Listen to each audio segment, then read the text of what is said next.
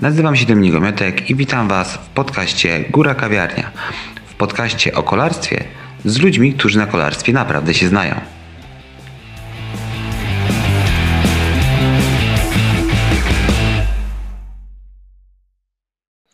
Witajcie. Dzisiaj razem ze mną jest trener Arek Kogut. Arek, nie wiem, czy może nie wszyscy Cię znają, nie wszyscy Cię kojarzą. Prowadzisz firmę, e, która zajmuje się trenowaniem kolarzy amatorów i zawodowców, Way to Champ, ale jesteś też, mm, poprawnie jeżeli się mylę, pierwszym polskim trenerem, który uzyskał certyfikację UCI. Zgadza się? Tak jest, tak jest, tak jest. Zgadza się. Witam e, wszystkich serdecznie w dzisiejszym podcaście. Dziękuję Dominik za zaproszenie. Zawsze jest to dla mnie miłe, żeby się podzielić e, trochę wiedzą, doświadczeniami z innymi kolarzami. I tak, no mój background jest taki, że 10 lat ścigałem się na rowerze szosowym wyczynowo, z czego dwa ostatnie lata w Hiszpanii. Potem zobaczyłem, że nie mam 7 wad na kilo, jak obecnie kolarze mają, żeby wygrywać Tour de France, więc zdecydowałem się na troszkę inną drogę, ale zostałem w kolarstwie, bo zawsze mnie kręciło E, właśnie mm, poznawanie ludzkiego organizmu, ludzkich możliwości i e, zobaczenie, gdzie są te limity u, u mnie na początku, a potem też e, u innych, nie? żeby zastosować takie metody treningowe, które spowodują doprowadzenie tego organizmu gdzieś do szczytu możliwości. No i to właśnie zaowocowało, tak jak Dominik, mówi, tym szerszym zdobywaniem wiedzy, właśnie ten pierwszy certyfikat UCI, no i potem założenie firmy trenerskiej Way to Champ, gdzie obecnie mamy 10 E, trenerów, mm, którzy trenują indywidualnie e, zawodników. I cały czas jakby rozwijamy się, zdobywamy wiedzę, żeby Wam pomagać coraz lepiej. Super. E, dziękuję Ci za to, że się przedstawiłeś. Teraz już wszyscy będą wiedzieli, z kim rozmawiamy, jeżeli ktoś się oczywiście nie zna, no bo ktoś, kto trochę, że tak powiem, siedzi w środowisku, no to myślę, że niewiele jest takich osób, które w Polsce Cię nie kojarzą. Arek, chciałem, mhm. Mm, jako że ten podcast dopiero się, że tak powiem, rozwija, mam nadzieję, że będzie się rozwijał coraz lepiej. E, Jasne. Chciałbym zapytać Cię o takie rzeczy, hmm, może nie bardzo podstawowe, nie chciałbym tu robić takiej encyklopedii, ale dać mhm. taką, ale dostać prostą, szybką informację, jak się poprawiać, jak robić, jak trenować, żeby mm, żeby uzyskiwać progres. No bo generalnie, wiesz, za moich czasów to jak ja wchodziłem w kolarstwo, no to było powiedzenie, że żeby jeździć, trzeba jeździć i no trzeba jeździć z mocniejszymi, mocniejsi cię naciągają, będziesz się, będziesz się poprawiać. I w hmm. gruncie rzeczy ja bym się zgodził z taką opinią, natomiast nie jest to chyba takie do końca e, proste i oczywiste. Chciałbym, że tak powiem, żebyś pomógł nam pomógł mi i ewentualnie osobom, które odsłuchują ten podcast, mm, odpowiedzieć, czy znaleźć taką mm, podstawową jakby punkt wyjścia, od czego trzeba mhm, zacząć. Mhm. Czy mamy, czy mamy, mm, czy jest jakaś minimalna ilość godzin, którą musimy poświęcać na, te, na ten trening, żeby się poprawiać, czy każdy może się poprawiać, y, jak trenować, jakich treningów, jakie treningi układać, czy jakie treningi wykonywać, żeby się poprawiać. Oczywiście później zapytam się o to, o jeszcze inne mm, rzeczy związane z treningiem, typu jak do, zrobić tak, żeby się nie zajechać i, i, i mam nadzieję, że z takimi problemami pomożesz mi się dzisiaj tutaj uporać i trochę to wyjaśnić bardziej naszym słuchaczom. Tak jest. No to tytułem, tytułem e, wstępu już tutaj nakreśliłeś, jaka jest taka e, metoda, która jakby działa też do pewnego stopnia i tutaj się e, zgodzę, ale też nie dla każdego i na każdym poziomie zaawansowania, nie? Czyli jeżdżenie coraz więcej, no i jeżdżenie też z mocniejszymi, żeby gdzieś ten poziom podnosić. No ale tutaj zagrożenia są jakby dwa co najmniej, jest ich więcej, ale dwa takie główne zagrożenia tej metody są takie, że po prostu w pewnym momencie dochodzimy do ściany, no bo nie da rady jeździć jeszcze więcej, jeszcze więcej, jeszcze więcej, no bo doba ma swoje ograniczenia, mm, a tym bardziej w kolarstwie amatorskim, gdzie e, tak jak u nas większość e, zawodników, których trenujemy, no to są osoby, które albo mają swoje firmy, albo są specjalistami, generalnie są zapracowanymi ludźmi, mm, którzy często też mają rodzinę, inne obowiązki, więc te treningi w ciągu tygodnia są zwykle krótkie. Mm, no i tutaj jakby sama ta objętość nie, nie da rady jej w nieskończoność wydłużać. Nie? No i większość osób, które trenujemy ma mniej więcej 6 do 10 godzin w tygodniu na trening i moim zdaniem to w zupełności wystarcza, żeby z powodzeniem ścigać się i robić progres do takich zawodów, które trwają, no powiedzmy też nie, nie więcej niż 3-4 godziny. No ale to jest większość zawodów, które są w Polsce, powiedzmy, e, czyli takie 50, 80, 100 kilometrów, powiedzmy do 120, 130. Mm, problem się zaczyna, znaczy problem, wyzwanie powiedzmy, jeśli chcemy iść w takie kolarstwo ultra e, czy gravel ultra, mm, które wymaga jakby większej obiektu, móc rywalizować wyższym poziomie, no to tam wchodzimy w objętości rzędu 12, 15, 20 godzin e, w tygodniu, co już jest e, dużo i trzeba to jakby skompensować też dietą, odpowiednią regeneracją i tak dalej. Więc to jest jedno to ograniczenie, jeśli chodzi o, Mogę? E, o objętość. Mhm. Mogę się wtrącić. Jasne, to jeżeli, jasne. Od razu, jeżeli możemy od razu odpowiedzieć na pytanie. Jeżeli chcemy mm, przygotowywać się do mm, maratonów czy takich dłuższych wysiłków, które trwają powiedzmy 3, no powiedzmy, że 4 godziny i w górę, e, mhm. z założenia potrzebujemy więcej objętości niż te 10 godzin treningu tygodniowo. Zgadza się? Czy dobrze to zgadza, zgadza się. W większości średnio potrzebujemy więcej, no bo to nam da, e, jeśli mamy 10 godzin, nawet maksymalnie w tygodniu treningowym, no to mniej więcej co trzeci lub co czwarty tydzień mamy cykl regeneracyjny, w którym jest gdzieś 50-60% tej objętości, czyli już to jest mniej, powiedzmy z 6 godzin w tym cyklu regeneracyjnym, no to już mamy w, w miesiącu 4 tygodnie, gdzie mamy 10 i 6, czyli 36 godzin.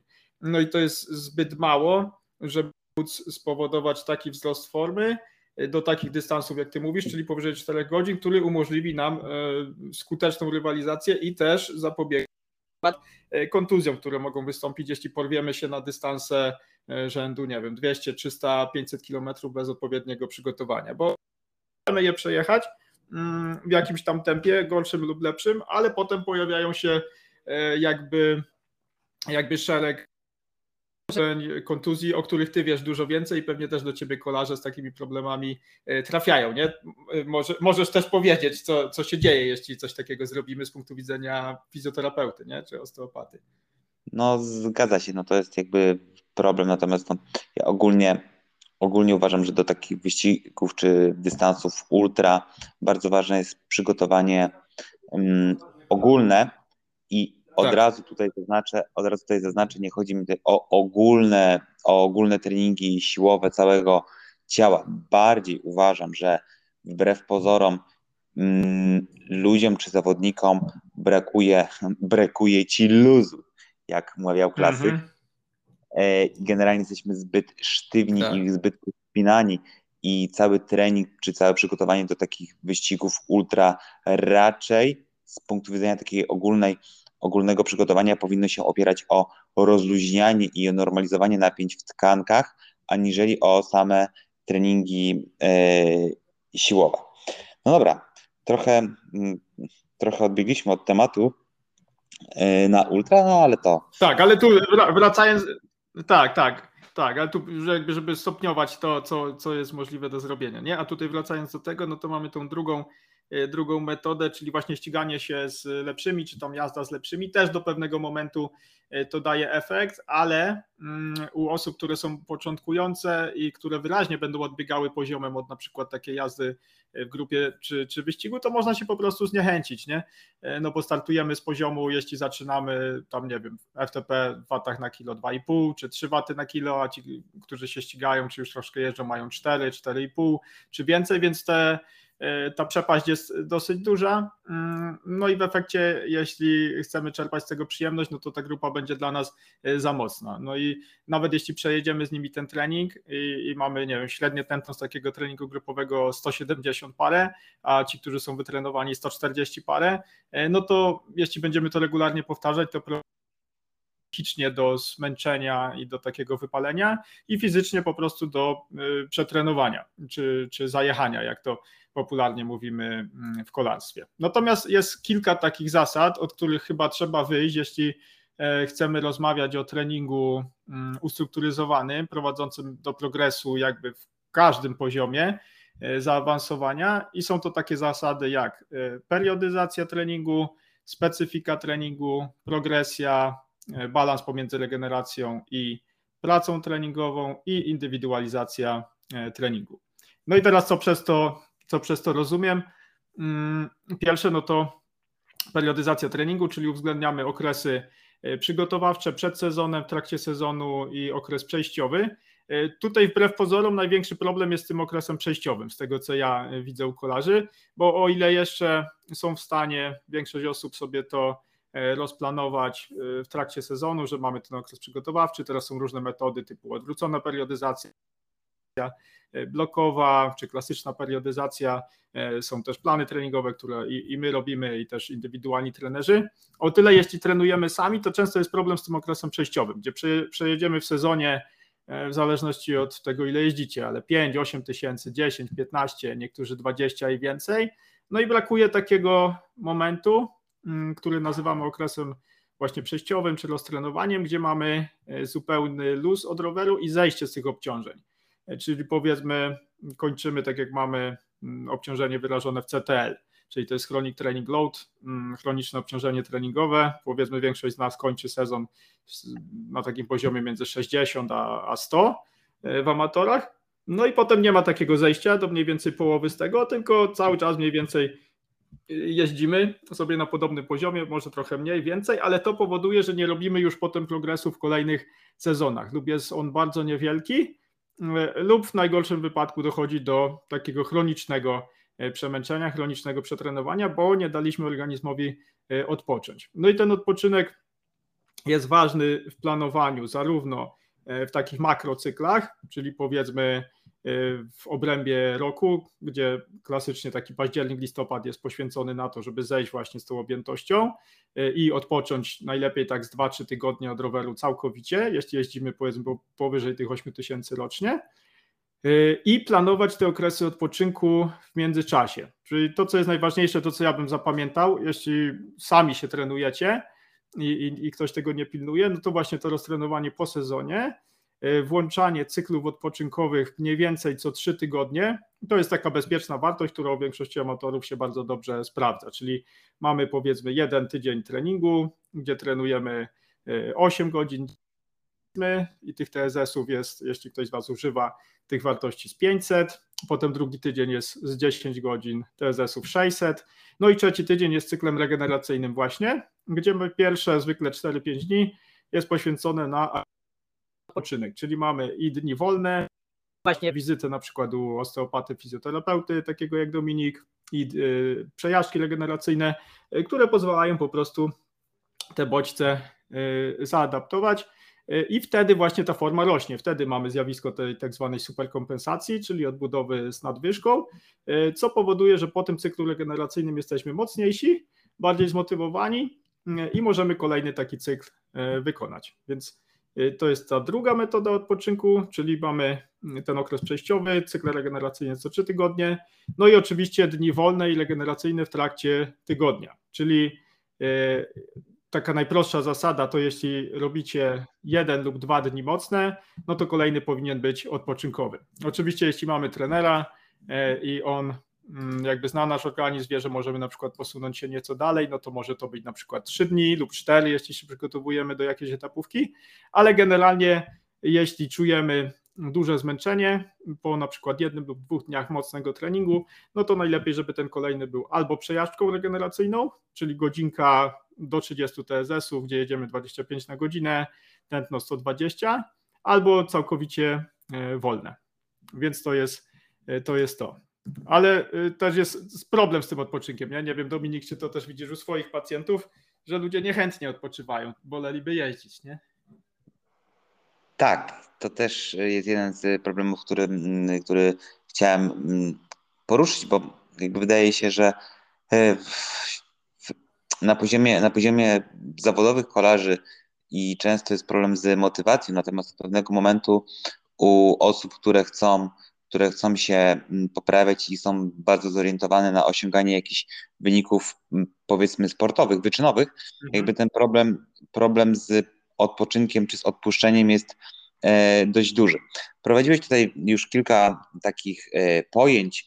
Mm, chciałbym, żeby nie wiem, czy wszystkim, czy wszyscy, czy wszyscy je znają, więc gdybyś mhm. mógł jeszcze e, powiedzieć tak naprawdę o tym, o FTP już mówiliśmy tutaj z, i z Kubą Pieniążkiem, i z, mhm. z Trywkiem Szmytem, no ale tak naprawdę o to, no bo poziom, czy jakby wysiłek fizyczny, czy trening kolarski dzielimy na pewne, na pewne strefy intensywności, intensywności treningu, które się odnoszą albo od, y, albo do tętna, albo do mhm. pomiaru mocy. Więc czy mógłbyś tak nam pokrótce, tak ja wiem, że to bardzo dokładnie nawet na waszej stronie i na waszym E, YouTubie jest to bardzo dobrze i dokładnie e, opisane, ale powiedzieć, co to są te strefy treningowe, jak je wyznaczyć i jak je wykorzystywać. No bo już rzuciłeś e, tutaj w międzyczasie pojęcie, czyli tego progu, od którego, że tak powiem, wyliczamy te strefy treningowe. Ale mhm. gdybyśmy te, prze, przez te strefy jeszcze tak szybciutko przejść, co się w każdej z tych stref dzieje z naszym e, organizmem. Jasne.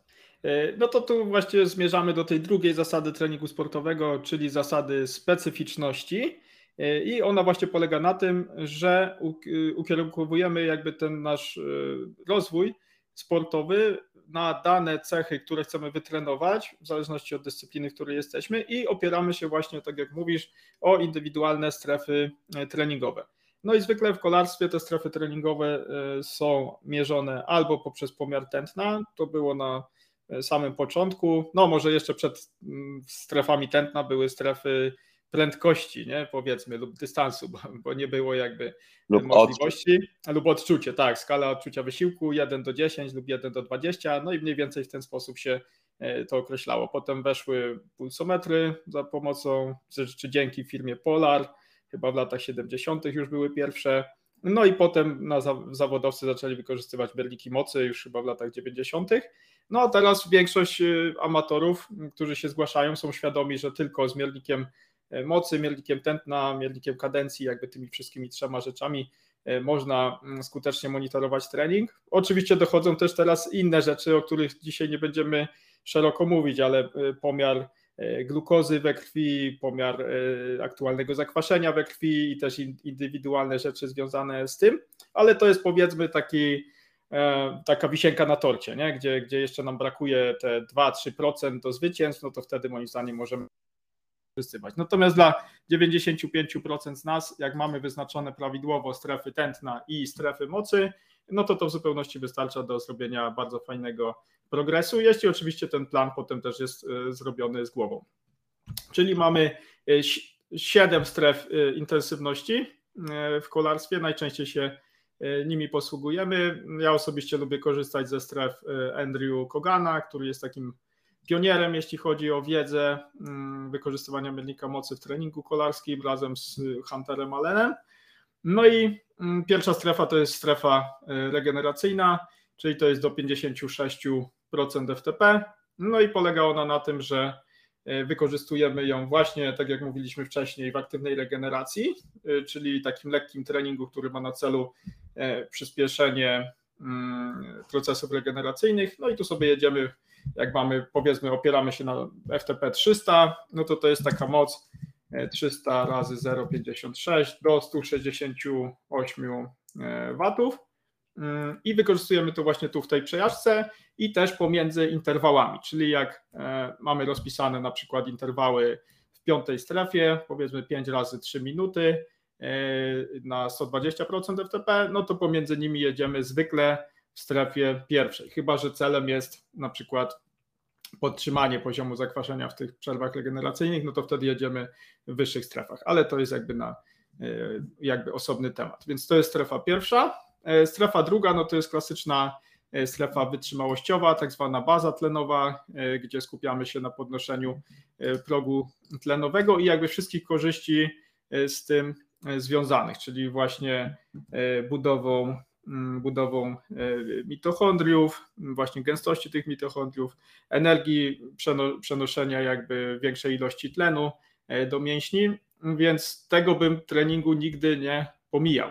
Czyli jeśli mamy mm, do zrobienia, czy mamy do wykonania 4-5 treningów w tygodniu, tak, że wszystkie są interwałowe, czy tropa, ale jeden minimum, a najlepiej dwa z nich, żeby były właśnie tlenowe i dłuższe.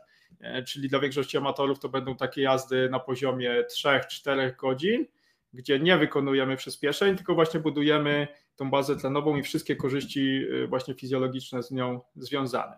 No i to mamy na poziomie 56 do 75% FTP, czyli to nam wychodzi przy tym progu 300 W od 168 e, do 225.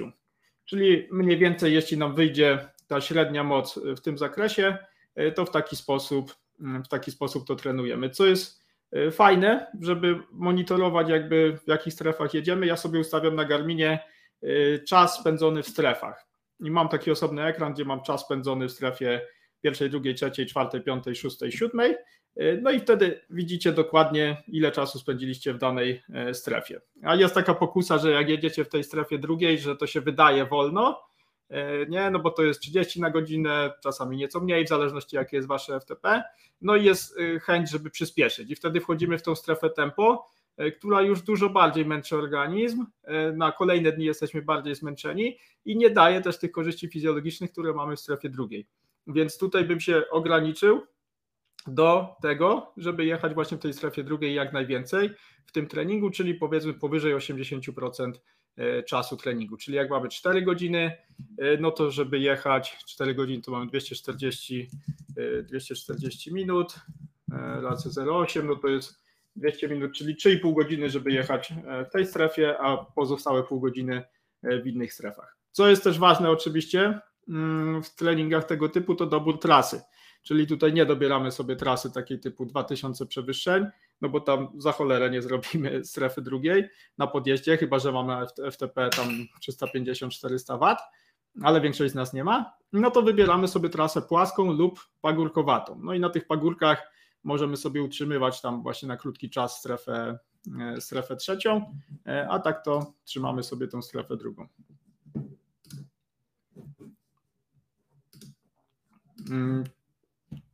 Dominik, jeszcze tutaj e, miałeś pytanie, tak? Jak wyznaczamy progi i co to jest FTP, tak? Czy jest to e, mhm. próg, mm, poziom, na który wartość mocy, którą jesteśmy w stanie utrzymać przez godzinę. I na podstawie tego testu, czyli robimy sobie taki teścik, jedziemy przez godzinę e, maksymalnie, jak to tylko możliwe, lub dwa razy, tak, po 20 minut. Czy... Znaczy są tak, różne, różne protokoły. No ten 60-minutowy jest jakby idealny, natomiast trudny do wykonania w większości, bo e, po prostu ciężko jest znaleźć takie trasy, plus jest to męczące dla większości amatorów, no ale powiedzmy, że jest to taki e, złoty wyznacznik. Mm, drugą metodą, którą my często używamy, to jest po prostu 20 minut w trupa i z tego minus 3 e, do 8%. Mm, zwykle to jest około 5%.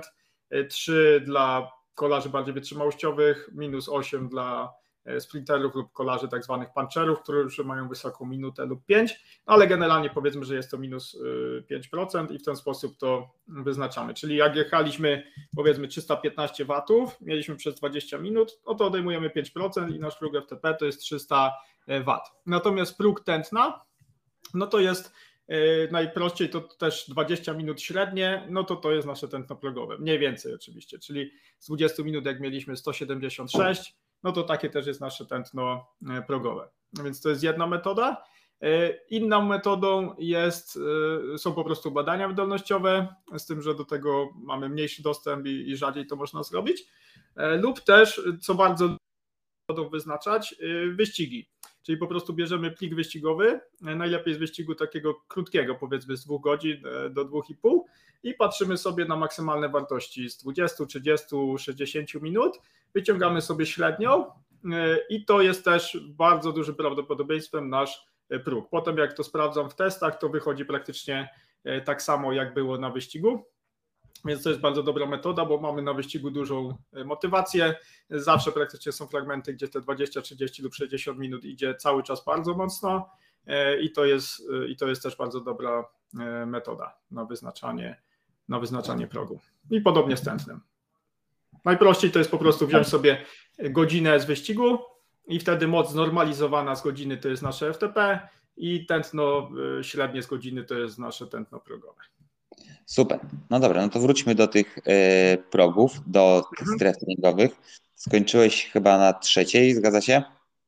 Y, teraz będzie trzecia, wcześniej była druga, tak? Czyli do drugiej jeszcze podsumowując to jest 56 do 75% FTP i w tej strefie większość amatorów może spędzić od 2 godzin do 6, 8, 10 w zależności jak jesteśmy wytrenowani. Natomiast poprawiać tą y, wydolność trenową właśnie można w ten sposób, żeby stopniowo robić progresję tych treningów, czyli na początku, jeśli sobie jedziemy dwie godziny na takim poziomie 70-75% FTP, no to potem zwiększamy tą objętość, czyli 2, 2,15, 2,30, 2,45, 3 i tak dalej. I taki trening jeden do dwa razy w tygodniu. I w ten sposób podnosimy swoją wytrzymałość tlenową i to wpływa pozytywnie na wszystkie kolejne e, strefy. Tak mówiąc najprostszym e, językiem, oczywiście są tu wszystkie, cały szereg korzyści fizjologicznych, e, ale żeby to uprościć, to po prostu wpływa to na wysokość watów, które osiągamy w kolejnych strefach. Więc to jest to. Tempo, czyli strefa mieszana, bardzo często w tej strefie wychodzą średnie waty z. Nie oznacza to, że wyścig jest jechany w tej strefie, wręcz przeciwnie. W większości jest tak, że albo na takim trzygodzinnym 100 km po hopkach, to większość mamy albo w strefie pierwszej, drugiej, albo w strefach piąta, szósta, siódma. I te waty średnie wychodzą w strefie tempo, ale to nie znaczy, że w tej strefie tempo jedziemy. A tutaj jest taka pokusa e, u większości amatorów, których e, trenuję, czy przejąłem i widzę treningi, jakie robili wcześniej, że duża część treningów jest robiona zwykle w tej strefie jakby nam takie jeszcze poczucie komfortu. Czujemy, że, że tam mocno idzie, ale nie aż tak, żeby przestać kręcić. I jednocześnie wychodzi fajna średnia prędkość, nie? No bo to mamy z tych 300 watów, mm, z tych 300 watów to jest 76 do, do 90, 92% FTP, czyli to nam wychodzi e, od 76, czyli to jest od 230 watów do 270 jak mamy próg 300. No i wtedy e, wychodzi nam fajna średnia prędkość, ale to nie znaczy, żeby w tej strefie spędzać e, dużo czasu. Raczej ją polecam tym osobom, które e, nie mają z jakichś powodów możliwości robienia długich treningów wytrzymałościowych, typu właśnie 3, 4, 5 godzin, no to można od czasu do czasu zastąpić to jazdą tempo typu półtorej, dwie godziny w tej strefie tempo. To jest taki zamiennik, powiedzmy, niedo, niedokładny i nie dający tych samych korzyści fizjologicznych, e, ale jest to jakiś, e, jakiś zastępnik. Plus jeszcze tutaj jedziemy w strefach tempo, się mieści też strefa sweet spot, czyli od 88 do 92 94% FTP i tutaj dużo amatorów będzie miało korzyści z jazdy w tych strefach, ale nie ciągiem, tylko interwałami, czyli powiedzmy mamy mm, średnio na 90% FTP, czyli z 300 to będzie 270 watów. No i robimy sobie powtórzenia na początek na przykład 2 razy 10 minut, 3 razy 10, 3 razy 15, 3 razy 20 yy, z przerwami 1 do 3, czyli 30% yy, czasu wysiłku to jest przerwa, czyli powiedzmy 15 minut na 5 odpoczynku, 20 na 7 yy, i tak dalej.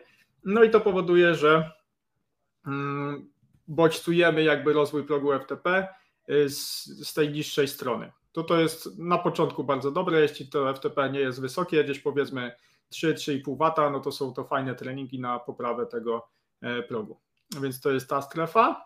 No i teraz strefa czwarta, czyli właśnie ta strefa okołoprogowa, e, czyli to mamy od 95 do 105% e, FTP, czyli to oznacza, że jak mamy próg te 300 W, no to są to wartości 285 do 315 W.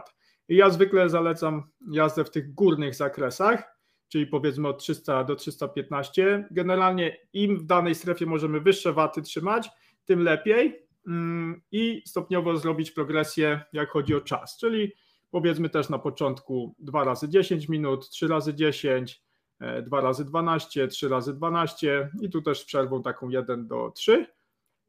No i efekty tego treningu w tych strefach, w tej strefie czwartej są takie, że po prostu podnosimy nasz próg FTP z czasem i robimy takich treningów w tygodniu jeden lub dwa, w zależności czy koncentrujemy się też na innych cechach, czy nie. Ale jeśli jest to naszym limiterem, czyli słabą stroną, e, no to możemy swobodnie wykonać takie dwa mocne treningi przedzielone dniem odpoczynkowym. Czyli na przykład mamy poniedziałek e, regeneracja, wtorek, wtorek na przykład 2 razy 10 na FTP, środa przejażdżka regeneracyjna, e, czwartek 3 razy 10 na FTP, piątek wolne, no i sobota, niedziela, w zależności od tego, co chcemy ćwiczyć, na przykład interwały w piątej strefie, E, w sobotę i w niedzielę taki długi trening e, tlenowy. To, to jest taki przykładowy plan, jaki bym zrobił w tym okresie.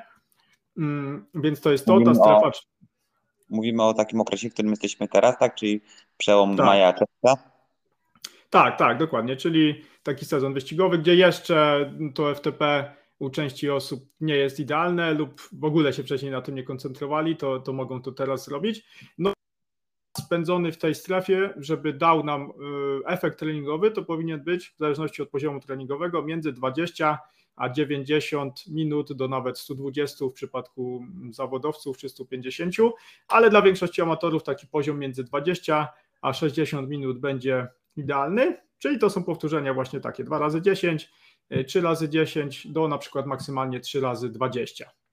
3 razy 20 i tutaj w zależności od tego, do czego się przygotowujemy, e, to też wysiłków y, będzie inna. Czyli na przykład, jeśli mamy wyścig szosowy, powiedzmy w terenie e, płaskim, no to bardziej bym się koncentrował na tych strefach, e, na tych strefach wyższych, właśnie mm, żeby spróbować się przygotować do ucieczki, a tutaj ten FTP tylko do tego, żeby podtrzymać to tempo w ucieczce. Natomiast jeśli się przygotowujemy pod długie podjazdy, czyli na przykład na jakiś wyścig w Alpach, gdzie mamy e, nie wiem, 150 km i 4000 e, w pionie, no to wtedy y, w tych strefach sweet spot i FTP bym spędzał więcej czasu, a mniej się koncentrował na strefach beztlenowych, no bo jakby w tych wyścigach górskich to jest e, kluczowe, czyli długa jazda około progowa i tu byśmy mogli robić już powtórzenia typu sweet spot 2 razy 30, 3 razy 30, czy FTP 4 razy 15, 5 razy 15, e, tak żeby mniej więcej yy, trenować tyle czasu w tych strefach, co będzie na wyścigu. Docelowo oczywiście, czyli jak na wyścigu mamy powiedzmy 4000 w pionie, zakładamy, że 1000 e, wynosi nasz WAM, czyli prędkość wspinania się, no to będzie 4 godziny. W tej strefie sweet spot tyle możemy spędzić, na FTP nie. Mm, czyli część będzie na Swispocie, część na, część na FTP, no to żeby nasze powtórzenia to odzwierciedlały. Oczywiście nie będzie to tak, że na każdym treningu zrobimy 4 godziny na Swispocie, ale żeby dojść do mniej więcej 60-70% tej wartości, czyli zamiast 4 godziny, żeby gdzieś do 2,5-3 e, spędzać w tej strefie przed, mm, przed wyścigiem i robić to stopniowo z progresją, czyli na początek powiedzmy 30 minut, za miesiąc 60 minut na treningu, za dwa miesiące dwie godziny e, i tak dalej. Najważniejsze, jeśli bym miał jedną zasadę tylko powiedzieć, która jest ważna w treningu, żeby robić progres, to jest właśnie nomen omen progresja treningu. Czyli to, co większość robi błąd, to po prostu robią te same treningi na tych samych mocach, e, z tymi samymi i nie robią progresu. No bo progres to jest dyskomfort, tak? Czyli żeby mógł zareagować z wyżką formy, no to musi mu być niekomfortowo. I on potem patrzy, ok, jest mi teraz niekomfortowo, więc muszę e, coś zrobić w swojej fizjologii, żebym się czuł komfortowo następnym razem. No i tylko w ten sposób można swoją formę podnosić. Czyli jak już sprawia Wam coś komfort względny, czyli że na przykład 3 razy 10 na FTP czy 3 razy 15 nie robi problemu, no to musimy się zmusić, żeby albo zrobić to na wyższych watach, albo dłużej, albo powtórzenie więcej. I tylko w ten sposób możemy iść e, do przodu. Więc to jest to. No to... E, tak. Mm, chciałem tylko wtrącić dwie rzeczy. Pierwsza to mm, cały czas mówisz tutaj o jednak mimo wszystko ten progu, progu związanym z mm, FTP, czyli z pomiarem mocy. Mhm. mm, gdybyś mógł to porównać jeszcze z trening, z progiem tym tleno, tym związanym z tętnem, no bo ja wiem, że już mielniki mocy są tak popularne i tak naprawdę każdy, kto jakkolwiek myśli o, o, o trenowaniu, to już pewnie większość, zdecydowana większość osób ta, te mielniki mocy posiada, natomiast jeżeli by ktoś nie posiadał e, takiego miernika mocy, to czy te same mm, poziomy procentowe e, może odnieść do tętna, jeżeli tak, no to tak, a jeżeli nie, no to mhm. jak to e, skorelować z tętnem. Natomiast taką, taka, taka, takie moje wtrącenie i moja e, no to ostatnio właśnie rozmawialiśmy na temat e, trenowania zawodowców. Mhm. Mówią, że Pogaczar na przykład robi tylko jeden rodzaj treningu. On wyjeżdża na rower, robi dwa razy 20 minut, a reszta to po prostu jedzie, po prostu jedzie na rowerze i tyle, no i się ściga. No ale to jest troszeczkę no tak. zupełnie inaczej.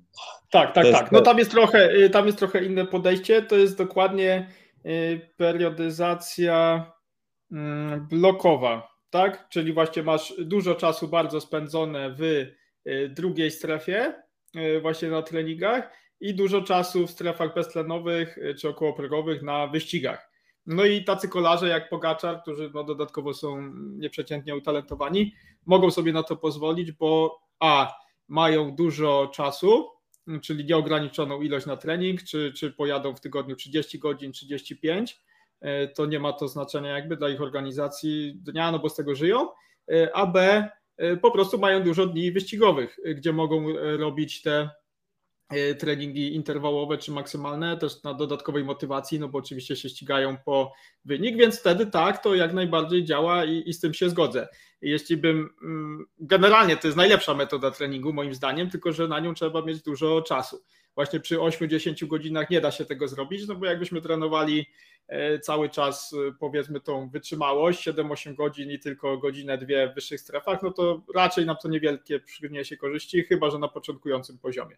Ale jeśli chcemy się ścigać, no to trzeba dołożyć interwały w wyższych e, strefach. No, natomiast, natomiast tak, tutaj jeśli mamy 30 godzin do dyspozycji, 25, no to większą część spędzamy właśnie w tej strefie drugiej, jakby nie patrzeć i cały szereg korzyści z tym związanych fizjologicznych e, odnosimy. Tak jak e, Pogaczar czy inni zawodowcy, to, e, to się zgadza, tak właśnie, tak właśnie trenują.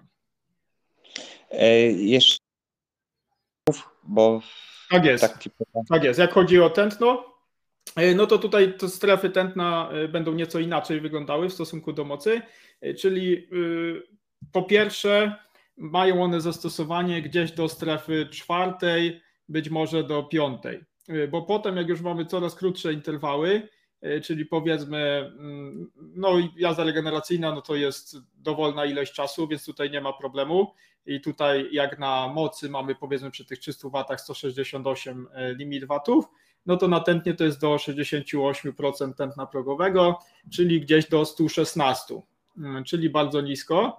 W strefie drugiej mamy mm, te waty określiliśmy na 56,75 FTP, e, czyli z 300 watów to jest, e, to jest 100, 170 mm, do 230 około, a na tętnie e, to jest tętno między 116, 69% FTP do 83% tętna progowego, czyli powiedzmy jak mamy 170 tętno progowe, no to to będzie do 140, czyli ta druga strefa przy 170 tętnie progowym będzie mniej więcej 120 do 140.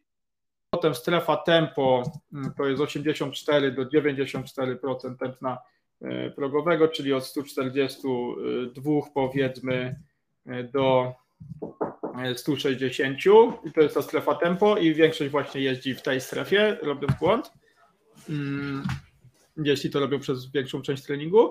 I potem czwarta strefa okołoprogowa to jest y, mniej więcej taka sama akurat, czyli 95 do 105% tętna progowego, czyli tu nam wychodzi jak mamy e, tętno na 170 na progu, czyli to będzie od 160 do 178, e, coś takiego. E, no i teraz zaczynają się schody, jeśli chodzi o trening tętna w wyższych strefach.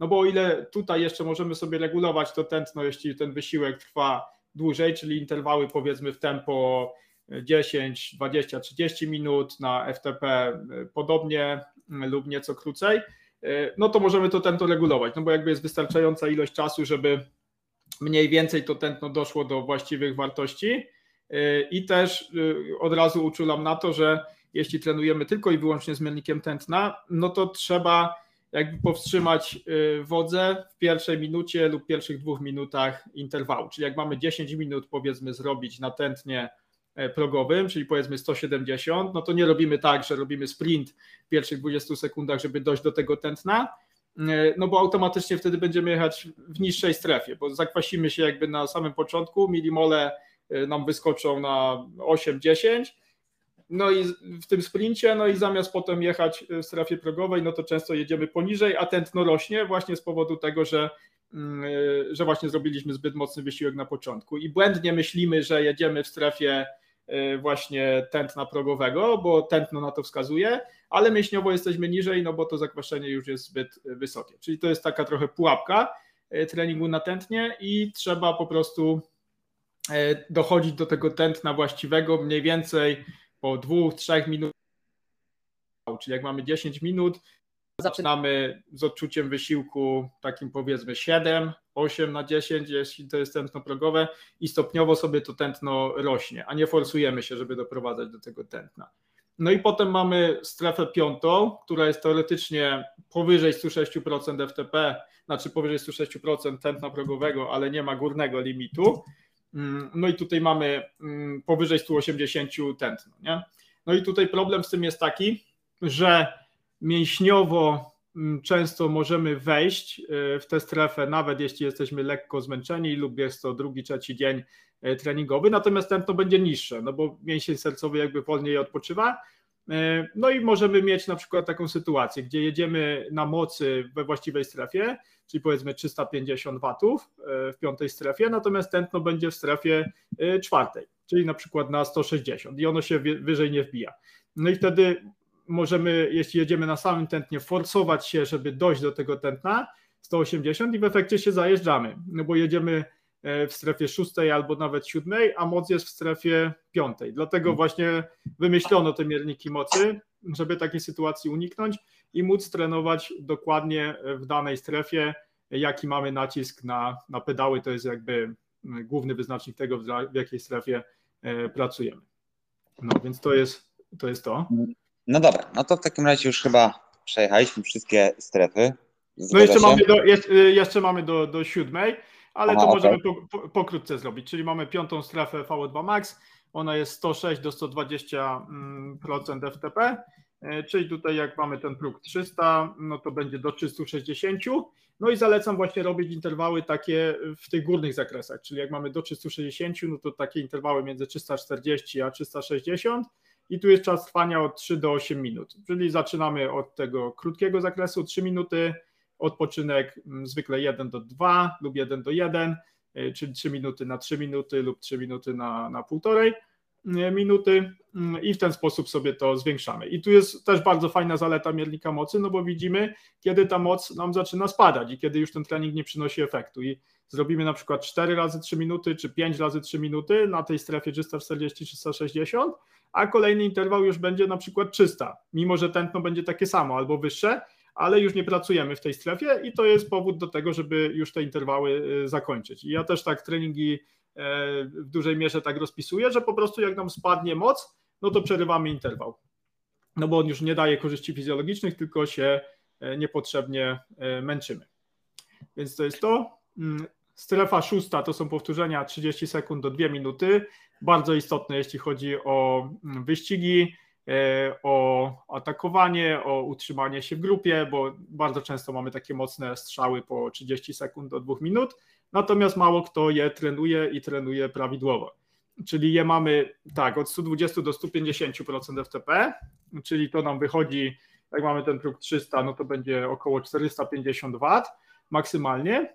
No i też się staramy właśnie robić te wysiłki na takim zakresie, czyli między 420 a 450 W no i sobie zaczynamy od 30 sekund, minuty, tutaj jest odpoczynek 1 do 3, żeby zwiększyć moc w tej strefie, czyli na przykład jedziemy minutę, na te 450, 3 minuty odpoczynku, znowu minutę 450, 3 minuty odpoczynku, no i też do tego momentu, aż ta moc zacznie spadać mm, zwykle poniżej 10%, czyli zamiast 420 już jedziemy 380, 390, to wtedy już nie bodźcujemy tej strefy i kończymy interwały. Więc to jest to. No i ostatnia strefa to jest sprint po prostu, czyli 5 do 15 sekund w trupa, tak zwana moc neuromięśniowa. Tutaj nie mierzymy e, tętna e, na moc. Też zwykle nie jesteśmy w stanie patrzeć, tylko po prostu jedziemy e, w trupa to, co mamy pod nogą. Halo? Mhm. O. Słyszymy się. Myślałem, że coś przerwało. No już tak dokładnie opisałeś te strefy treningowe i, yy, i przykładowe ćwiczenia, które można tam wykonywać. Już chyba bardziej dokładnie się nie da. Bardzo Ci za to dziękuję. No dobrze, to teraz tak, mamy strefy treningowe, wiemy jak je trenować, wiemy jakie są różnice między trenowaniem na mocy a e, na tętnie. Powiedz mi mhm. e, w takim razie, e, mamy, no to już wiemy co, gdzie, jak. Jak to teraz wszystko poskładać w całość i powiedzmy mhm. poukładać. Jak, no bo w sumie też zahaczyliśmy o to, jak te ile tych powtórzeń powinno być, ale jakie te treningi powinny być na przykład w takim e, cyklu, e, cyklu treningowym. No i gdybyś mógł też powiedzieć, jaka jest taka hmm, no, minimalna ilość czasu, którą potrzebujemy, którą mhm. musimy e, przeznaczyć w tygodniu na trenowanie, żeby no, dać temu organizmowi ten bodziec taki treningowy, fizjologiczny do tego, żeby ten mm, nasz organizm się rozwijał i żeby się podnosił. Mhm. No takie, takie rozsądne minimum moim zdaniem dla kogoś, kto y, chce jakby sobie jeździć w ustawkach, dosyć swobodnie przejechać sobie wyścig e, i gdzieś się tam liczyć, no to jest właśnie między takie 6 a 10 godzin e, w tygodniu, co się sprowadza do tego, że trenujemy zwykle 5 e, razy, dwa dni są wolne, jeden trening długi, a te treningi pozostałe między godzina 15 a 2 godziny. No i to w zupełności wystarcza, żeby poprawiać swoje cechy fizjologiczne, wartości mocy maksymalnych dosyć e, wysoko. Ja bym powiedział, oczywiście nie jest to jakby 100%, ale mniej więcej możemy dojść przy takim czasie treningu do FTP 4,5, 4,8 W na kilo, maksymalnie powiedzmy 5 e, minut, 5 e, minut ze, z 5,5-6 W na kilo. Mm, Kilogram no masy ciała na kilogram masy ciała. Tak, przy czym są to już bardzo fajne wartości, które umożliwiają rywalizację, e, czasami nawet wygrywanie w tych starszych powiedzmy kategoriach wiekowych, tych młodszych no to są wyższe, no bo tam zwykle, mm, zwykle zawodnicy mają powyżej tych 5 W na kilo, e, ale żeby to osiągnąć, to moim zdaniem trzeba trenować już nieco więcej, czyli te 12 godzin plus. No chyba, że ktoś ma mm, jakby w historii swojego życia e, związek z kolarstwem zawodowym czy wyczynowym, no to wtedy jest zupełnie inaczej, no bo jakby startujemy z, z innego pułapu. No ale dla większości amatorów te 6-10 godzin jest e, jak najbardziej wystarczające.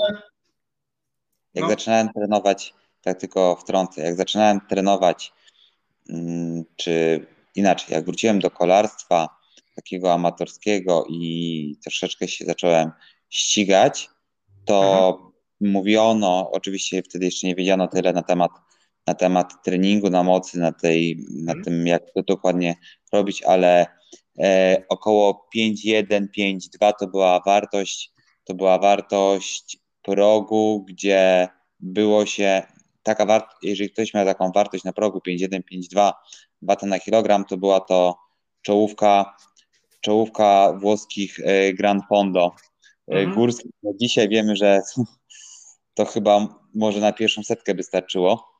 No dokładnie, dokładnie tak, bo ja sam byłem tak, w tamtym roku. Taki, na... taki, taki jest progres. Tak, tak to się tak, tak. zmieniło tak. na przestrzeni lat. Tak, sam byłem to, żeby też, żeby też taka anegdota z życia wzięta. Byłem na Mistrzostwach Świata w Trento e, w tamtym roku we wrześniu, no i trasa była bardzo wymagająca, 140 km, 4000 w pionie. No i właśnie tam miałem próg na poziomie gdzieś 4,7 4,8, co się okazało bardzo nisko na ten poziom rywalizacji, który tam jest. No i z takim blogiem ukończyłem tam 160 chyba na 230 w mojej kategorii wiekowej, mm, czyli to jest kategoria 19-35 lat. No a goście, którzy to wygrali, no to jeździli góry te długie na poziomie 5,8, 6 W na kilo, a średnie waty na kilo znormalizowane wyszły im 4 godzin 5 W na kilo. Znormalizowane, no czyli FTP mieli koło 6 po prostu.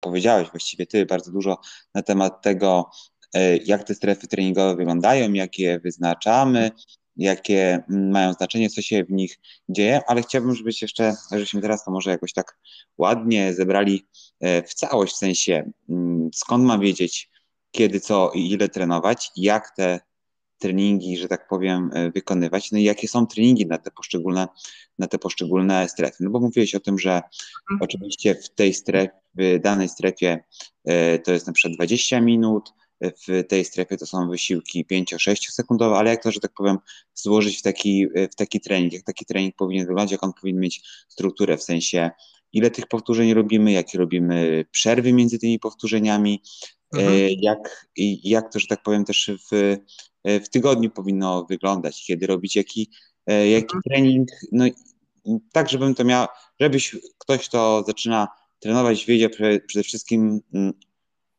jak zacząć. Oczywiście chciałem tutaj zaznaczyć, że mm, jest to pewien wzór i plan treningowy i to już powtarzaliśmy też w innych podcastach, zarówno z mm, Sylwkiem Szmytem, jak i E, z Kubą Pieniążkiem, że no wasza rola jest e, troszeczkę większa niż tylko ułożenie tego planu, bo tak jak wiemy, takie gotowe plany można gdzieś tam sobie znaleźć, ale później zawiadywanie tym planem to już jest zupełnie inna historia. No ale załóżmy, że chcemy się, chcemy od czegoś zacząć, od tego planu treningowego, więc jak taki plan mhm. treningowy powinien wyglądać? Ale się rozgadałem, uhu, uhu, uhu, tyle pytań.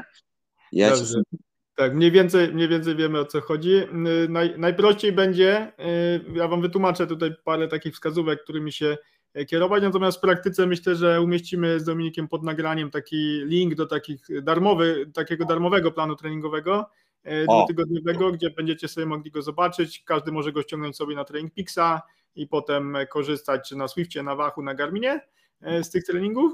E, no, to, to, to będzie w opisie. E, natomiast e, opierając się na tym przykładzie, który wcześniej poruszaliśmy, czyli kolarz amator, zapracowany, który trenuje takie 6 do 10 godzin w tygodniu, no to ja bym mm, zaczął sobie od takiego planu ustrukturyzowanego, który ma gdzieś 4 do 5 treningów w tygodniu i 2 dni wolne.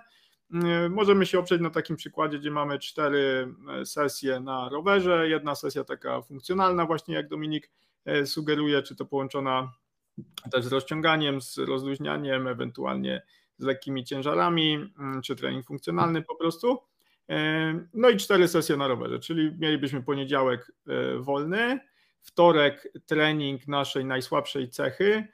Jeśli zakładamy, że jest to mm, FTP i chcielibyśmy na tym FTP się głównie skupić, E, to we wtorek bym bodźcował to FTP mocniejszymi interwałami, mm, czyli na przykład w piątej strefie, co, to co mówiliśmy, e, na przykład 5 razy 3 minuty na 120% FTP z przerwami mm, też 3-minutowymi, e, czyli w tym przykładzie 300 W to mamy 120% mm, to jest 360, czyli 350, 360, a w przypadku tętna, żeby to tętno w tej drugiej, trzeciej minucie weszło nam E, w okolice tej piątej strefy tętna, e, czyli to będzie mm, powyżej 105% tętna e, progowego. Czyli w przykładzie 170 tętna, no to mamy gdzieś okolice 180. Mm, I pamiętamy cały czas o tym, że jak trenujemy na tętnie, zwłaszcza w wyższych strefach, no to nie zaczynamy od sprintu, zwłaszcza jak mamy powtórzenia takie dwu, trzy minutowe i dłuższe, tylko stopniowo dochodzimy do tego tętna docelowego, a zaczynamy kierując się bardziej skalą odczucia wysiłku, tak? Czyli e, jak mamy na przykład strefę, mm, strefa pierwsza, no to jest odczucie wysiłku 1, strefa druga 2 e, do 4, strefa trzecia 5 do 6, e, na 10 oczywiście wszystko, strefa czwarta 7, piąta 8, szósta 9, siódma 10. No oczywiście jest to obarczone jakimś błędem, ale lepiej się kierować choćby takimi wskazaniami niż e, zaczynać na przykład od razu od tego sprintu i, i zakwaszenie nam rośnie, więc tego nie robimy. Mm, no i to mamy poniedziałek wolne, wtorek ta e, słaba cecha bodźcowana interwałami beztlenowymi w piątej strefie, e, środa bym zrobił ten trening funkcjonalny plus na przykład krótki trening tlenowy, taki do dwóch godzin, jeśli mamy czas, to już mamy łącznie wtedy gdzieś z półtorej godziny wtorek, tutaj będzie dwie godziny plus ten funkcjonalny z dwie i pół łącznie, no to mamy już cztery godziny. E, potem czwartek bym zrobił dłuższe interwały bodźcujące FTP od dołu, czyli sweet spot lub FTP, w zależności na jakim jesteśmy poziomie. No i bym zaczął takimi 2 na 10, czyli 2 razy 10 minut na 3 do 5 minut przerwy, 3 e, razy 10 minut, potem 3 razy 12, 3 razy 15 e, i tak dalej, tak żeby ten łączny czas spędzony na FTP w zależności od naszego zaawansowania wyniósł między 20 a 60 do 80 minut w przypadku tych najbardziej zaawansowanych z Was. No i wtedy to będzie działało. Co ważne, oczywiście utrzymujemy tą progresję. To jest ten klucz w treningu, żebyśmy szli do przodu, żeby cały czas ten organizm y, zaskakiwać nowymi bodźcami, no bo on wtedy będzie miał jakby zadanie do zrobienia, żeby do tych bodźców się zaadaptować. A jeśli trenujemy cały czas to samo, w tych samych intensywnościach, tyle samo godzin, E, i jeszcze nie robimy odpowiedniego odpoczynku, no to w, efekt, w najlepszym wypadku mamy tę samą formę, a w najgorszym po prostu spadek tej formy lub e, nawet przetrenowanie, przemęczenie. Mm, więc pamiętajmy o tym, żeby jak zrobimy w jednym tygodniu na przykład 5 e, razy 3 minuty i to nam idzie dobrze, no to w kolejnym już róbmy 5 razy 4 minuty, albo róbmy to na wyższych watach E, przy mniejszej ilości powtórzeń. Tu możliwości progresji treningu jest dużo, to, to jest rozmowa na inny temat, ale generalnie chodzi o to, żeby robić coś mocniej niż, niż dotychczas i wtedy idziemy do przodu. Jesteśmy przy czwartku, te dłuższe interwały, czyli już mamy tutaj 2,5-4 e, godziny, czwartek no to nam zajmie też pół e, no to powiedzmy będzie już mieli 4, 6 godzin, tak, 5,5 do 6 godzin. No zakładamy, że zrobimy taki plan maksimum, czyli te do 10, do 10 godzin, czyli nam zostaje jeszcze piątek, piątek jest wolny. No i jak nam zostały jeszcze 4 mm, godziny, to ja bym to rozdysponował w taki sposób, że mm, w sobotę bym zrobił e, krótkie interwały, na przykład sprinty, szósta, siódma strefa, mm, czyli takie powtórzenia minutowe, dwuminutowe lub sprinty takie 5 do 15 sekund i to taki krótki trening, właśnie godzina, godzina 15, e, a w niedzielę bym zrobił wytrzymałość tlenową, e, czyli około 3 godzin w tym przypadku, w stałym tempie około te 70-75% FTP lub odpowiednio na, na tętnie. E, żeby po prostu podnosić próg tlenowy i mieć wszystkie korzyści fizjologiczne związane z właśnie przenoszeniem energii do mitochondriów, rozwojem wydolności płuc i tak dalej, i tak dalej. Mm, no i taki tydzień mamy zamknięty. No i potem w drugim tygodniu robimy progresję e, tych treningów lub dajemy inne treningi, żeby było ciekawiej, ale bodźcujące podobne strefy. E, no i trzeci tydzień będzie regeneracyjny, przynajmniej jego pierwsze takie 4-5 dni, czyli w tym założeniu, że mamy na przykład 10 godzin, w pierwszym, drugim tygodniu, no to TSS-ów będzie w tym pierwszym tygodniu gdzieś 500-550, y, w drugim podobnie 500-550, no a w trzecim robimy gdzieś 60-70% mm, tego, żeby była ta regeneracja, y, z czego pierwsze dni są odpoczynkowe, czyli robimy na przykład poniedziałek wolne, wtorek przejażdżka odpoczynkowa, środa sam ten funkcjonalny, czwartek znowu przejażdżka odpoczynkowa, piątek wolne, no i sobotę, niedzielę już możemy e, pojechać mocniej albo pojechać wyścig, e, właśnie jak będziemy na świeżości, albo zrobić właśnie mocne jednostki, bo będziemy do tego gotowi. Czyli tak by wyglądał taki przykładowy plan. Oczywiście to wszystko zależy, tak jak Dominik mówi, od E, okresu, w jakim jesteśmy, od tego, do czego się przygotowujemy, z jakiego poziomu startujemy,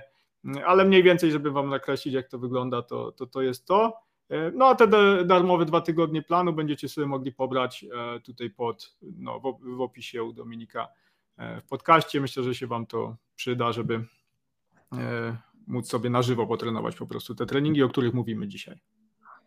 Mówiłeś tutaj o TSS-ach, mi to już mm, ten temat TSS-ów czyli tego wskaźnika tak. e, obciążenia i stresu związanego z obciążeniem poruszaliśmy w podcaście z e, Kubą Pieniążkiem. Aha. Natomiast mógł e, powtórzyć, no to tak już, żebyśmy mieli też, ktoś, kto może nie słuchał, to już będzie miał tutaj w tym miejscu, to to jest to TSS i, i oczywiście to jest też wskaźnik, który jest wyznaczany na podstawie FTP i tego testu FTP i oczywiście wskaźników treningowych. To jest jedna rzecz, o którą chciałem się Ciebie zapytać. No i druga rzecz, y, co się dzieje, gdy mamy na przykład, trafi nam się taki tydzień, że mamy trochę więcej czasu na no trening, miałem 2-3 godziny, to co dołożyć, a jak mamy y, mniej czasu, to czego, z czego, że tak powiem, możemy zrezygnować. No, zakładam, mhm. że jeżeli chodzi o to dołożenie, no to pewnie domyślam się, że powiesz to, o czym już, że tak powiem, wcześniej na punkty yy, mieliśmy, że tego, z tym jest największy problem, czyli jakby z tą jazdą yy, stymulującą w drugiej, w drugiej strefie i na to jest tak naprawdę yy, mało czasu, a to warto robić. Y, więc potwierdź to albo y, obal. Mhm. No i tak, tak, o, chciałem zapytać. Okej, okay, czyli jeśli mamy więcej czasu na trening, bo powiedzmy żona wyjechała gdzieś na urlop z dziećmi.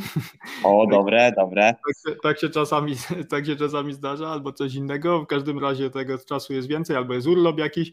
No to ten, no to właśnie to co, to, co mówi Dominik, to jest jak najbardziej prawidłowe według mnie, czyli dokładamy po prostu godzin w strefie tlenowej, no i to możemy robić na co najmniej dwa sposoby, czyli Pierwszy sposób jest taki, że robimy sesję interwałową normalnie i potem y, dokładamy y, jazdę w tlenie na koniec takiej sesji interwałowej, czyli na przykład mamy te półtorej godziny, gdzie robimy tą strefę piątą, te 5 razy 3 z przerwami, rozgrzewką i tak dalej. No i potem sobie dokładamy, w zależności ile mamy czasu, godzinę, dwie nawet w tej strefie wytrzymałościowej, czyli druga strefa, to co omawialiśmy wcześniej i z tego będziemy mieli szereg korzyści, bo po większe obciążenie e, treningowe e, w TSS-ach, po drugie stymulujemy właśnie e, zarówno rozwój tego silnika tlenowego, jak i beztlenowego i ogółem jest to mocna jednostka treningowa dla większości amatorów, która powoduje zwiększoną adaptację do wysiłku. A druga metoda to jest po prostu wydłużanie tych jazd, które mamy w weekend na przykład, normalnie te wytrzymałościowe, te 2,5, 3, 4 godziny, no to to możemy sobie wydłużyć o też godzinę do dwie, jeśli mamy więcej czasu i to nam da mm, i to nam da e, progres. Przy czym trzeba pamiętać, że jak macie na przykład jeden tydzień e, więcej możliwości czasowych, na przykład zamiast 10 godzin to powiedzmy zrobicie 15, no to drugiego tygodnia, nawet jakby wypadał treningowy, to bym już nie ciągnął E, takiego mocnego, tylko zrobił jednak kilka dni odpoczynku e, po takich 15 godzinach przykładowo, no bo jest to duży, duża stymulacja jakby dla naszego organizmu, jeśli wcześniej tego nie robiliśmy, takie powiedzmy mini zgrupowanie, e, no i należy potem odpocząć i dopiero potem wrócić. Oczywiście jest tu bardzo dużo zmiennych, które na to wpływają, do, do jakiego poziomu TSB dojść, na jakim minusie, potem jak wrócić na plus, i, i, w jakich e, i w ilu dniach i tak dalej, no to jest zagadnienie dla trenera mm, bardziej i też na doświadczeniu bazujące, ale to co warto zapamiętać, to jeśli macie więcej czasu i więcej potrenujecie w danym tygodniu, to w następnym trochę sobie odpuścić, przynajmniej kilka dni, zrobić luźniejsze, e, żeby się po prostu zaadaptować do tych bodźców. Więc to jest to, no a drugie odnośnie TSS-ów, e, to co pytałeś, no to TSS-y to jest Training Stress Score, czyli metryka używana kolarstwie, ale też i w innych sportach wytrzymałościowych, w bieganiu, w pływaniu, w wioślarstwie, w nartach biegowych. No i służy do kwantyfikacji obciążenia treningowego, czyli po prostu mówiąc po ludzku, jak dużo nas ten trening e, kosztował e, stresu treningowego, czy jakie to było obciążenie. No i te ZS-y są wyliczane na podstawie e, tętna lub mocy. Jeśli mamy sam miernik tętna, no to jest to tak zwany test, E, które nam mierzy ten poziom wysiłku mm, brany ze stref tętna i z progu mleczanowego. Jest on mniej dokładny, no bo oczywiście tętno nie reaguje tak szybko na zmianę intensywności jak, e, jak miernik mocy, więc te TSS-y są mniej dokładne, ale lepsze takie niż żadne. E, a drugim, oczywiście najbardziej miarodajnym sposobem jest mierzenie TSS-ów za pomocą miernika mocy. Mm, no i jest to wyliczane na podstawie takiej formuły. E, TSS-y równa się sekundy jazdy razy moc normalizowana razy intensywność dzielone na FTP razy 3600 i to wszystko razy 100. Czyli w skrócie sprowadza się do, do tego, że mm, TSS-y są wyznaczane na podstawie intensywności. Że jeśli mamy na przykład godzinę na 80 mm, i F, i F to jest intensity factor, czyli z jakim e, średnim poziomem mocy jedziemy. Czyli załóżmy, że mamy to nasze 300 TSS-ów, znaczy nie 300 TSS-ów, tylko 300 W na progu. E, no i jechaliśmy na 80%, czyli średnio w trzeciej strefie. Powiedzmy, że to była jakaś ustawka, jazda grupowa, to zwykle wychodzi mniej więcej w takich wartościach. No i 300 e, razy 0 razy 0,8 to jest 240 watów. No i teraz jak są mierzone te, mm, te zecy? Jeśli mamy 80, 80 IF, no to to mnoży się razy 80, czyli 80 do potęgi i to wychodzi 6400. Dzielimy przez 100 i mamy 64 TZS z godziny przy intensywności 80. I to, to jeszcze teraz powiedz, powiedz nam, e, no już tak po profesorsku to wyłożyłeś, że myślę, że nikt nie będzie miał wątpliwości. Mhm. E, powiedzieliśmy o TSS-ach, powiedzieliśmy, co zrobić, jak mamy w jakimś tygodniu więcej czasu, no ale co zrobić, jak mamy trochę czasu mniej, jak mamy ważą mhm. e, rodzinną, nie wiem, przeziębienie, mhm. po prostu, no nie wiem, e, coś nam wypadło, nie możemy mhm. zrobić e, treningu, to mm, po prostu mhm. Na chybił trafił, akurat nie mamy, nie mamy czasu w środę, czy tam e, w czwartek, to nie robimy środowego, czwartkowego treningu, czy zamieniamy coś, jak do tego hmm. podejść? Okej, okay. no to tu mamy, y, mamy dwie rzeczy. Jedna to jest y, z jakiego powodu jest wolne, bo jeśli jest z powodu choroby, no to będzie oczywiście zupełnie inny trening lub go po prostu nie będzie. E, jeśli jest choroba, y, no mocne jakieś przeziębienie, grypa, pojawia się gorączka, E, i bóle mięśni i tak dalej, no to wtedy nie trenujemy e, do czasu ustąpienia tych objawów najlepiej w ogóle. Niektórzy myślą, że jak wsiądą na trenażer, wypocą tak zwanie i, i ten to im pomoże. Zwykle to robi jeszcze więcej szkód, bo organizm zamiast walczyć z chorobą, to jeszcze musi e, jakby walczyć z obciążeniem treningowym i w efekcie ta choroba trwa dłużej najczęściej.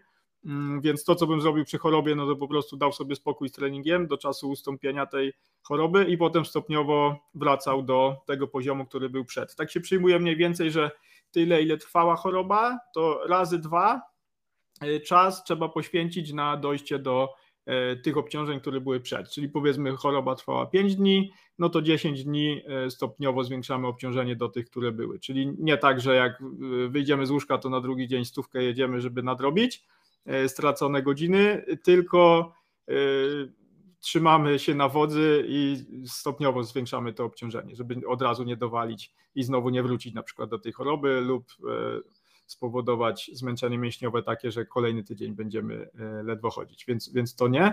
No a drugi przykład jest taki, to co mówisz, czyli że nie mamy czasu z różnych powodów zawodowych, rodzinnych i tak dalej, E, ale zdrowie nam dopisuje. No to wtedy mm, bym po prostu się skupił na tych najmocniejszych jednostkach, najkrótszych, e, bo one dadzą nam największe obciążenie treningowe w tym krótkim e, czasie, który mamy. Czyli po prostu bym zostawił same sesje interwałowe, na przykład trzy razy w tygodniu po te półtorej godziny. To takie minimum jest, żeby podtrzymać to, co już wypracowaliśmy i je robił co drugi dzień. Czyli na przykład wtorek, czwartek, sobota, i w ten sposób i w ten sposób możemy podtrzymać tę formę, która była, plus jeszcze skoncentrować się na pracy w tych indywidualnych strefach e, mocy. No i wtedy bym robił te interwały krótkie, czyli właśnie albo bestlen, albo FTP, albo e, sprinty, to, to co jest naszymi słabymi stronami, czy to nad, nad czym chcemy pracować w danym momencie. Bardzo się cieszę, że poruszyłeś taki, taki ważny dla mnie aspekt, E, czyli powiedziałeś o tym, że jeżeli jesteśmy chorzy i wejdziemy na trenażer i to e, wypłacamy w teorii, znaczy przynajmniej tak nam się wydaje, i że organizm później musi, mm, musi nie dość, że pokonać, czy jakby zregenerować się, mm, jakby walczyć z chorobą, to jeszcze musi walczyć z obciążeniem e, treningowym. I to jest mhm. bardzo fajna, mm, bardzo fajnie chciałbym tutaj, że tak powiem, poruszyć, czy trochę nadmienić, że podobnie jest z takim zbyt silnym, czy zbyt mocnym, statycznym rozciąganiem, którego powtarzam i zawsze będę powtarzał. Nie rekomenduję nikomu, bo wszystkie badania mówią o tym, że mhm. to do niczego nie prowadzi.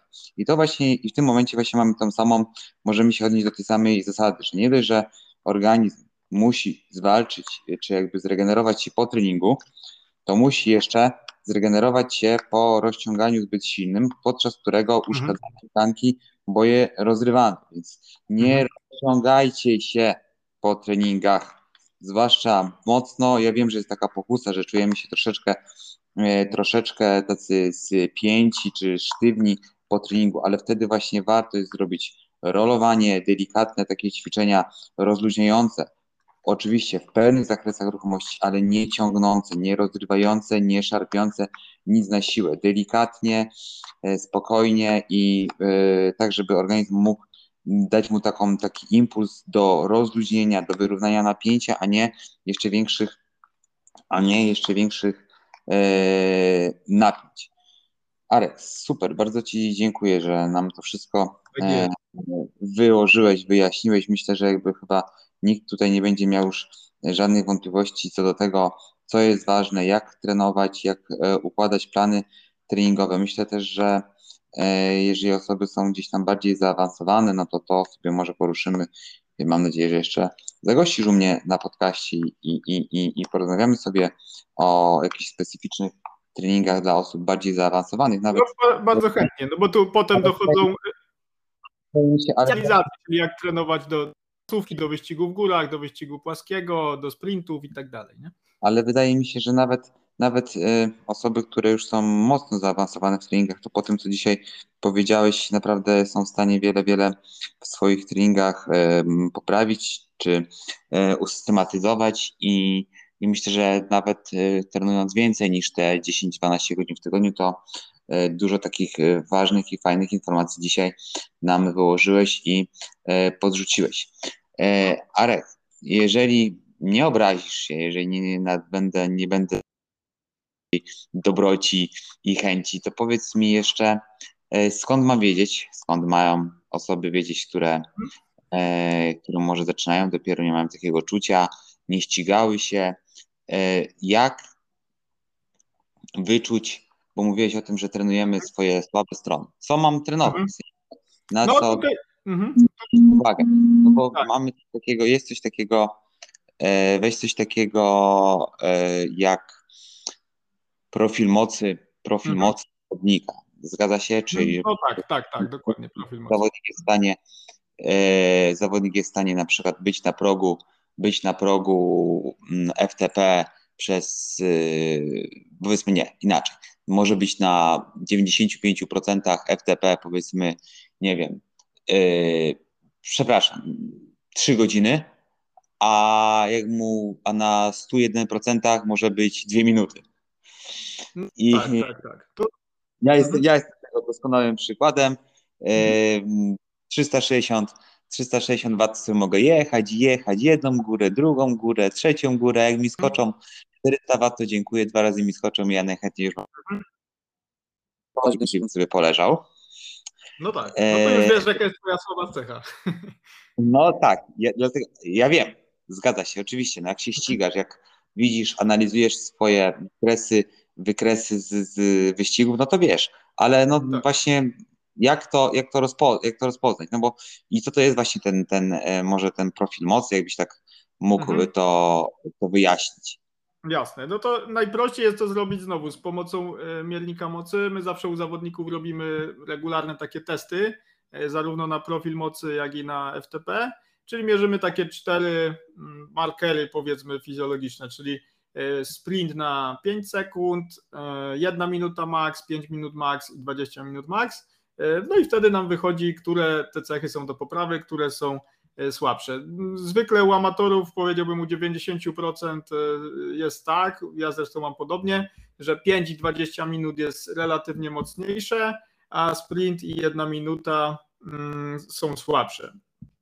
Z kilku powodów. No, po pierwsze, większość populacji ma te włókna szybko kurczliwe w mniejszej ilości, więc naturalnie przychodzi ten wysiłek krótszy słabiej. E, no a po drugie, mm, właśnie nie trenujemy e, zwykle takich beztlenowych e, rzeczy w sposób ustrukturyzowany, przez co one nie idą mocno. No a to 5-20 minut się rozwija jakby naturalnie, bo jeździmy mm, takie dłuższe czy podjazdy, czy dłuższe odcinki i, i to się rozwija, ale też do pewnego momentu potem przychodzi taki konstans i nie możemy ruszyć do przodu i wtedy przychodzi z pomocą właśnie czy trener, czy dobry plan treningowy, czy, czy ułożenie tego, mm, czy ułożenie tego pod nas. Mm, więc to jest to. Jest to. E, a mm, pytanie jak brzmi, jakby, jeśli bym miał odpowiedzieć? No, mm, co to jest? To już jakby wyjaśniłeś trochę o tym e, profilu mocy, ale no, e, skąd mam wiedzieć, jak, to jest jak, jak, Skąd masz wiedzieć? No, skąd masz wiedzieć? Czyli robisz sobie, jeśli, jeśli masz miernik mocy, to sobie robisz taki test, czyli w jeden dzień E, właśnie robisz 5 e, sekund sprint, 1 minutę i 5 minut, oddzielone przerwami odpoczynkowymi takimi 20-30 minut, no a w drugi dzień e, lub za dwa dni test FTP 20-minutowy i z tego odejmujemy 95, znaczy odejmujemy 5% mniej więcej i wtedy nam wychodzi jaki mamy próg FTP, więc to jest najprostszy sposób, a potem się to też potwierdza. Lub jeśli nie macie miernika mocy, to najprościej to widać jadąc w grupie, E, na przykład jak mamy ustawki, gdzie jest więcej osób o, o różnych profilach, e, no to jedziecie w grupie czy na wyścigu i od razu widać, e, które cechy macie mocne, które słabe. Tak jak Dominik na przykład mówi, że on wie, że jak przejedzie mm, no, dwie górki na 400 W, no to już zakwaszenie pójdzie za bardzo do góry i już ta tolerancja zakwaszenia jest taką słabą stroną, czyli nie jego organizm szybko tego laktatu powyżej strefy e, progowej. Natomiast próg ma rozwinięty bardzo dobrze, czyli ten parametr taki z WKO, on się nazywa e, time to exhaustion, czyli czas do wyczerpania, czy czas do limitu, no to ten masz na pewno bardzo wysoki, no bo jesteś w stanie na tym FTP czy tuż poniżej jechać bardzo, bardzo długo w porównaniu do innych. E, no i adekwatnie, jeśli macie odwrotnie, czyli na przykład krótkie hopki, krótkie odcinki na te 400-500 W Wam wchodzą bardzo dobrze, e, a na przykład jak przyjdzie dłuższy podjazd, czy, czy w ucieczce e, takiej dłuższej, mm, czy, czy właśnie mm, co tu jeszcze może być takiego na sweet spocie, jakieś długie odcinki po płaskim, mocne samemu, no to widać, że tutaj jest problem, czyli właśnie czas utrzymywania mocy około progowej. Więc y, w taki sposób bym po prostu te limity swoje rozpatrywał. Najprościej, jak jesteśmy na wyścigu jakimś e, lub w grupie mocnej, no to widać na tle kolegów, gdzie nam brakuje, gdzie odstajemy, gdzie właśnie zostajemy za peletonem czy za grupą, no to to są te, mm, te elementy, które warto trenować. No a drugi sposób, no to jest właśnie wyznaczenie sobie za pomocą testu na ten profil mocy mm, tych swoich słabych, mocnych stron. Zawsze swoich Mm, osoby, moich gości, pytam o dwie rzeczy. Arek, mhm. jaką kawę pijesz i twoja ulubiona góra, w sensie e, podjazd? Okej. Okay. Kawę ostatnio piję trochę kawy bezkofeinowej. Za dużo kofeiny spożywałem, moim zdaniem, takie 3-4 espresso, niektóre podwójne. E, I ostatnio piję Pelini Top bezkofeinową a jak piję kofeinową, to Pelini 82 bardzo mi smakuje, taka równomierna arabika, fajnie rozłożona, taki średni stopień palenia, więc ona jest ok. Mm, a jak espresso chodzi. Podado oznakiem? E, nie, podwójne espresso zwykle albo pojedyncze. Ok. Bez cukru, to mi, to mi najlepiej wchodzi. E, a jeśli chodzi o podjazd. Góra podjazd. No to w Polsce no to na pewno przechyba e, nasza. A. O, tutaj mam przechybę pod nosem, często tam trenuję, mam dojazd do przechyby chyba z 15 minut, więc, więc to mamy bardzo fajny podjazd tutaj, zwłaszcza w takim okresie maj do, do październik powiedzmy, to jest ta szosa przejezdna, teraz zrobili tam nowy asfalt na początku, więc bardzo fajnie się leci i w górę i w dół. A jeśli chodzi o, o zagranicę, no to Stelvio, Stelvio mi się bardzo podobało. Mortirolo to ten podjazd w tym lesie e, od tak. tej strony. To, no, powiedziałbym, że, że Mortirolo może. No, tam się mocno zagiąłem, mi się podobało. Jak, z, Krystian, jak, z Pilugiem jechaliśmy w tamtym roku. Jak ten, jak robiliśmy podcast z Adamem Kolarskim na temat naszych piąt, naszej, e, naszej piątki mm, top podjazdów, to ja nie zaliczyłem do mojej piątki najlepszych podjazdów na świecie mm, e, Stelvio, ale właśnie mhm. zaliczyłem Morty i też uważam, że jest to piękna sprawa. Odsyłam do naszego odcinka. E, Arek, żeby Cię nie zatrzymywać, e, już bo wiem, że Ci się spieszy. Mam nadzieję, że jeszcze u mnie e, zagościsz. Bardzo, bardzo, bardzo, bardzo Ci dziękuję za to, że zgodziłeś się z nami pogadać i podzielić się tymi informacjami. Myślę, że wielu osobom to mm, wiele da i, i, i wiele pomoże. No i mam nadzieję, że jeszcze zagościsz u mnie na podcaście i jeszcze sobie mm, będziemy mogli o paru rzeczach pogadać. Tak, no jeśli tylko słuchaczom się spodoba te parę rzeczy, co tam miałem do powiedzenia, to bardzo chętnie zagoszczę i Wam jeszcze coś poopowiadam. E, a ja też za dzisiaj dziękuję Tobie Dominik za zaproszenie, słuchaczom za e, wysłuchanie e, naszej rozmowy. No i życzę owocnych treningów, wzrostu formy i wszystkiego dobrego. Pobierzcie sobie też te darmowe, ten darmowy plan, co tam wrzucimy z Dominikiem. Oczywiście. Ja Ci tu wszystko podlinkuję. Jakby ktoś potrzebował e, trenera, z którymi, e, który podniesie e, i spojrzy na to z boku, to oczywiście mm, wszystkie kontakty znajdziecie w opisie mm, odcinka, zarówno do Arka, jak i do wszystkich Twoich trenerów. Jeszcze tak, raz Ci ja bardzo dziękuję mm, za udział w naszym nagraniu. No i co, do zobaczenia gdzieś na trasie. Dziękuję bardzo, do zobaczenia Dominik, do, do usłyszenia, cześć, cześć. Hej, cześć.